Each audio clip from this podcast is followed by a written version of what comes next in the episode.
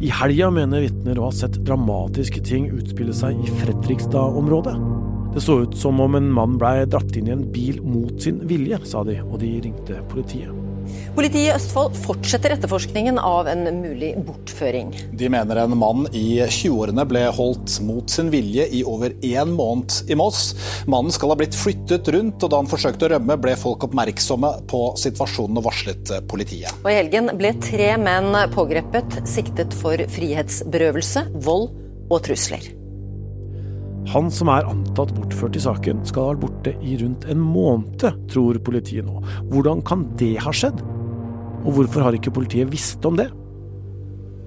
Jeg heter Tor Erling Tømt Ruud, og dette er en ekstraepisode fra Krimpodden i VG.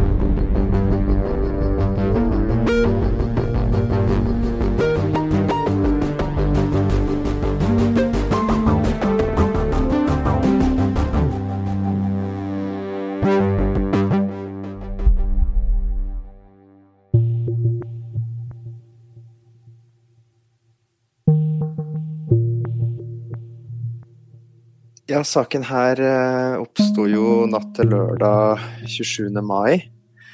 Ved at eh, politiet fikk inn eh, melding, flere meldinger faktisk, om observasjoner om en person som de da mente kunne ha vært tatt imot sin vilje, da. Tatt inn i en bil.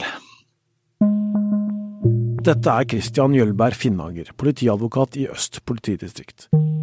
Det er kollegaen min Hanna som snakker med han onsdag morgen. Når vi lokaliserte bilen, så fikk vi også etter hvert kontrollert den, hvor da eh, man etter hvert pågriper da de tre sikta som nå er i varetektsfengsla, og fornærmede i samme bil. Vi har i hvert fall en, eh, en hypotese om at eh, en person skal ha vært eh, ja, bortført over lengre tid da, i forkant. Ja, Hvor lang tid eh, tror dere at det er snakk om? Da er det snakk om opptil en måneds tid. Hvilken etterforskningsskritt er det som dere har gjennomført så langt, da?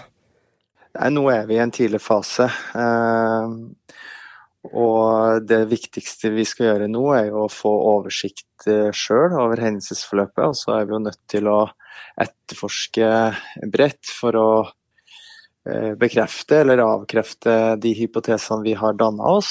Eh, så da blir vi nødt til å innhente informasjon som tekniske bevis eh, og eventuelle vitner som kan ha, ha informasjon. Så det er jo det vi prioriterer fremover nå.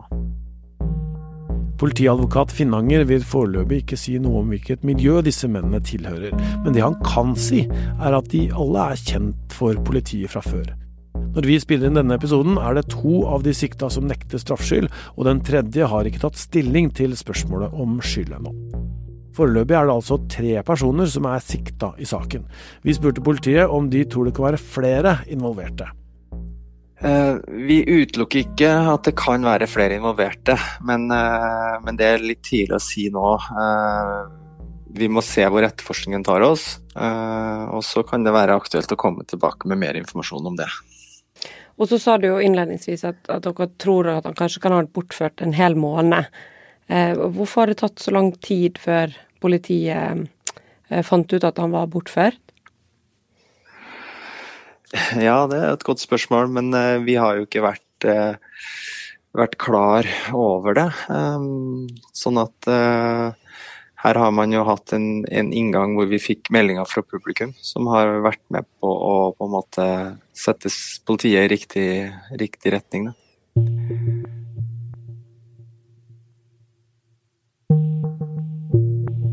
Vi har også snakka med bistandsadvokaten til han som ble funnet i bilen. Og min kollega Ruth spurte Kenneth Hansen, som han heter, om hvordan hans klient har det nå. Han er eh, svært preget av det han har vært igjennom, eh, både fysisk og psykisk, og han har det generelt tøft.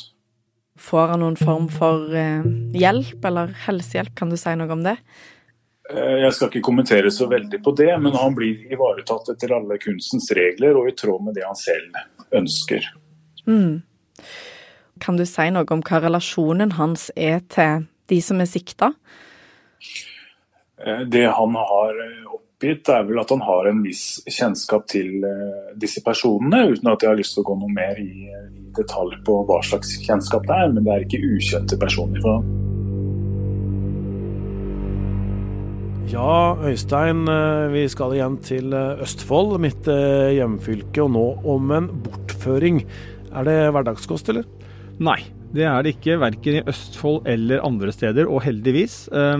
Jo, det forekommer nok at noen blir frihetsberøvet, men da er det nok gjerne for en veldig kort periode, og betydelig kortere periode enn det er snakk om at det skal være her. Det at en mann skal være frihetsberøvet i Eh, eller bortført, eh, holdt, vært kidnappa, som andre uttrykk folk bruker på dette her, i rundt en måned, det er eh, Ja, det er helt unikt. Jeg kan ikke komme på noen norske saker i farten som, hvor det har vært tilfellet. Igjen på Lørenskog? Ja, hvis det er en bortføring, så jo, er jo det en som har vært mye lenger. Men det som er tilfellet der, er at man har jo ikke noe sikkert tegn på at, eh, på at, det er et offer som er i live. Eh, og eh, politiet er også i tvil om det er en bortføring, eller om det er noe som er kamuflert som et drap. Så den blir i denne sammenheng noe annet. Ja, for Her er det da snakk om at en mann da skal ha kommet seg ut altså Det er en scene ved en bil her, og noen har reagert og, og tenkt at denne mannen vil egentlig ikke være her, og har da ringt politiet. Ja, og så er det jo veldig mye her vi, vi ikke vet. Det er ikke, så vidt jeg har sett, vært snakk om at noen på et tidspunkt har satt fram noe løsepengekrav, eller gjort, gjort, offentlig kjent, eller offentlig kjent er litt feil uttrykk, men gjort kjent for noen at man har bortført en person og ønsker å ha et økonomisk eh, utbytte av det. Så kan jo det ha naturlig forklaring at dette er en, ikke en sånn type bortføring, men en bortføring som handler om at man ja, har hatt en person i sin varetekt fordi at man eh, er uenig om et eller annet. Det vet vi jo ikke. Eh, og det er jo det, er det som er med denne saken, at den er jo veldig, veldig spesiell. Og som vi var inne på i innledningen, Tor Erling, helt, helt unik i, i, norsk sammenheng, vil jeg da fortsatt si. Og at man da vet veldig lite om hva som har skjedd, bortsett fra at det er en, en hendelse som man oppdaga, publikum sannsynligvis, tilfeldige, som gjorde at politiet kom på sporet av det som da kan være en, en bortføringssak som har pågått i en uh, måneds tid. Her er det altså tre menn som er eh, pågrepet, og de er blitt begjært varetektsfengsla, som det heter. Og når, når, sånne ting her skjer, da, så, så får jo vi eh, informasjon. Og på en måte, Folk kan jo ta kontakt med VG, vi snakker med folk rundt dette her. Men i en sånn varetektsfengsling så er det ikke offentlig. Det er ikke noe offentlig informasjon rundt det. Og her sies det også at at dokumentene er klausulerte. og Derfor kan ikke forsvarsadvokaten og bistandsadvokaten eller politiadvokaten si så veldig mye om den saken her. Nei, det hender jo at fengslingsmøter går for åpne dører, og da gis det i noen, noen anledninger mulighet til å referere og, og, fortelle hva som skjedde der. Men i hovedsak så er det som du sier, fengslingsmøter er omgitt av hemmelighetskremmeri. Og det handler veldig ofte om at uh, fengslingsgrunnlaget er bevisforspillelsesfare. Det betyr at uh, de som blir, uh, da, har blitt arrestert av politiet, og som politiet ønsker å holde da i fengsel, de skal sitte i fengsel fordi at de skal, ikke skal kunne ødelegge bevis. Og det å ødelegge et bevis eh, kan typisk være at du snakker sammen, da, hvis du og jeg har gjort noe gærent, eh, og så blir vi eh, tatt for det. Så kan det hende vi egentlig ønsker å snakke sammen. Hva skal vi si nå, Tor Erling? Hvordan skal vi komme oss ut av dette her? Og da ønsker politiet å forhindre det.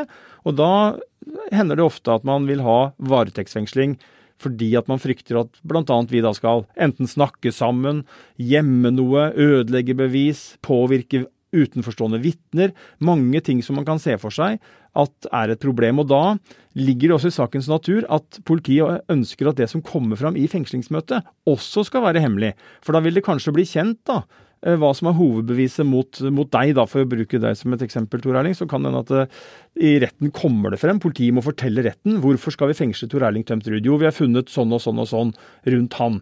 Og hvis det blir kjent til folk uh, rundt deg, enten at det er noen som vil hjelpe deg med å gi en uriktig vitneforklaring, eller at det er noen andre som er på frifot, som kanskje politiet vil ta senere, så, så, vil jo du kunne, så vil jo det du har sagt i retten, kunne komme dem for øre hvis de leser en avis eller hører på radio eller hvor det måtte være.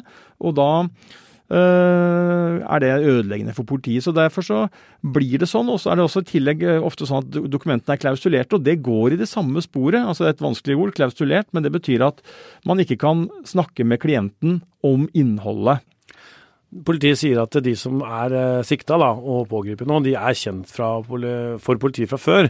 Eh, så vidt jeg veit, og det jeg har sett av dommere dommer og sånt nå på morgenskvisten, så er det altså det er jo ikke store kriminalsaker. Det er ja, litt sånn kjøring i berusa tilstand og noe narkotikasmugling og sånn. Ja, det er ikke stor, stor kriminalitet, altså, sånn som kjent fra oss fra før. Altså Disse navnene har ikke vi på en måte lagt merke til før.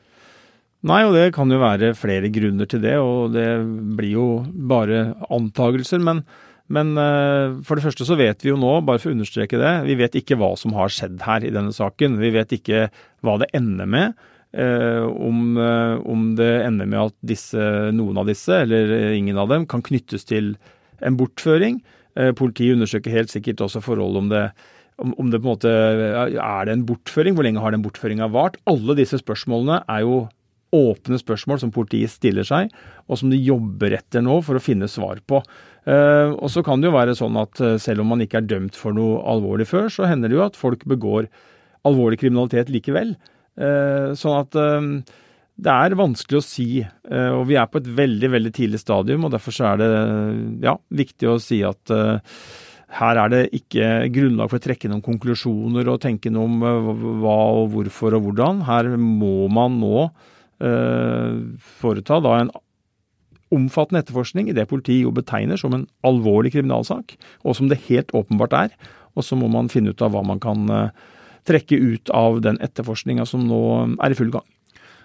Disse bortføringssakene er jo såpass spesielle at vi velger å snakke litt om dem allikevel. Og Forrige gang så var det jo denne, denne spesielle saken i Tolga, Eh, Tolga, eh, der eh, en, en, mann ble tatt ut av hjemmet sitt ikke sant, og kjørt ned til Oslo. Vi husker den, vi har flere episoder om den. Mm. Og han endte jo til slutt på et tog hjem igjen og, og blei ble funnet igjen. da. Hvordan er det egentlig mulig, hvis det er riktig, at denne mannen har vært borte i en måned? Hvordan er det mulig at ingen på en måte har sagt ifra, eller at, at politiet veit om det? Nei, det er jo et av de spørsmålene man må belyse, tenker jeg, da, gjennom etterforskning nå. og se hva er grunnen til at hvis det er sånn at ingen har meldt vedkommende savna, er det fordi at uh, Det kan jo være mange hypoteser der. Er det noen som har gitt noen beskjeder til noen som gjør at man ikke har uh, følt behov for å Eller det ikke har vært noen grunn til å være bekymra? Um, er det sånn at vedkommende ikke har noen rundt seg som uh, hadde kunnet komme til å fange det opp, eller er det andre grunner? og det Eh, er jo helt sentrale spørsmål. Eh, og så er det jo, som du sier, da, i forhold til eh, Tolga-saken, som vi jo kjenner godt, og som var veldig dramatisk, den også. Der, ble det jo, der var det jo vitner som så at denne unge mannen ble bortført, og det ble jo løsna skudd også under den aksjonen.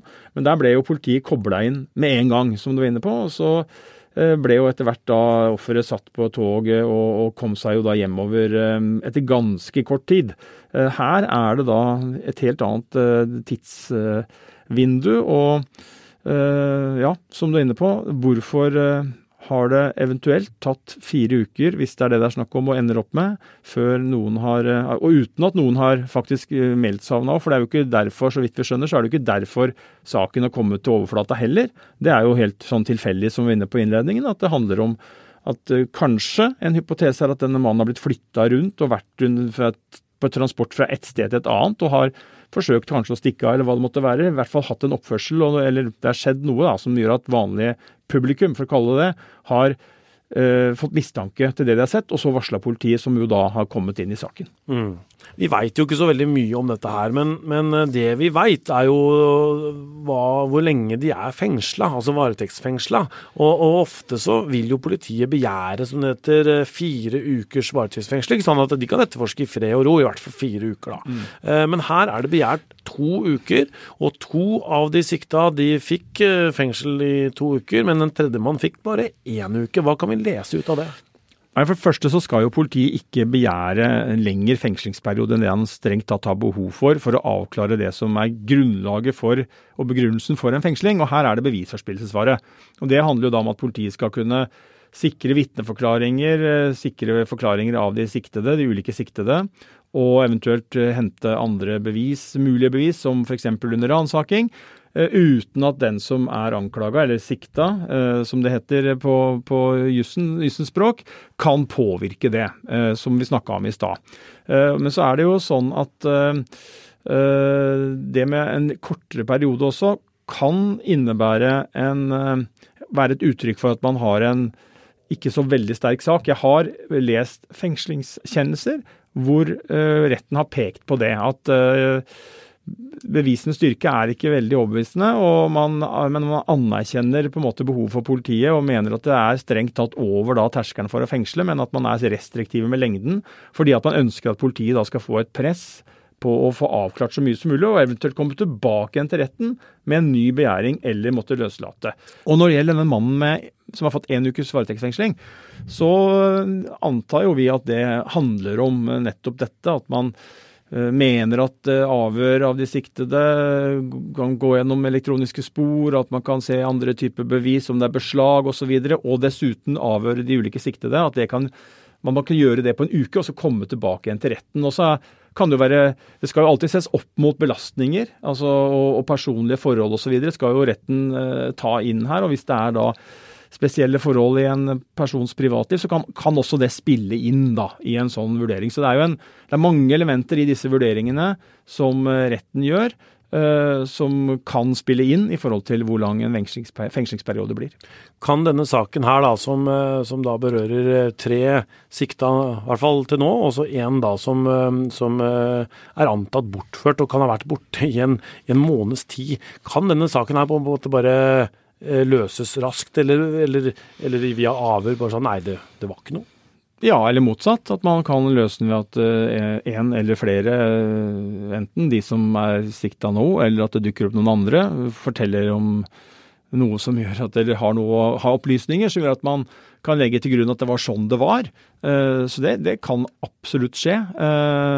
Men sånn som det ligger an, og sånn som det ser ut nå, så virker det som politiet står overfor en, en uh, alvorlig sak, selvfølgelig, det er det ikke tvil om, og at man nok kan komme til å måtte bruke en del tid på å etterforske denne før man kan eh, prøve å finne da ut hva som faktisk har skjedd. Uh, og det uh, er jo den jobben man er i gang med nå.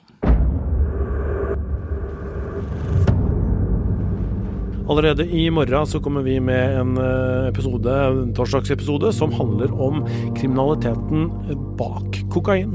Det er eh, faktisk en veldig interessant reise på hvordan en eh, ja, kokain kommer til Norge.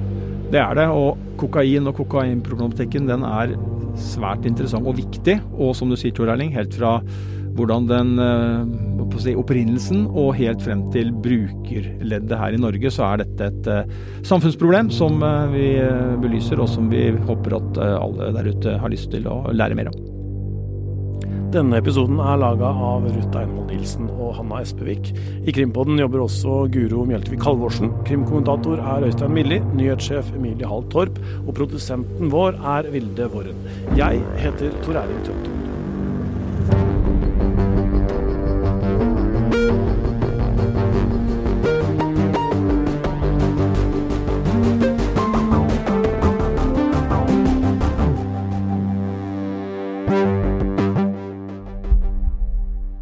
Har hørt en podkast fra VG. Ansvarlig redaktør, Gard Steiro.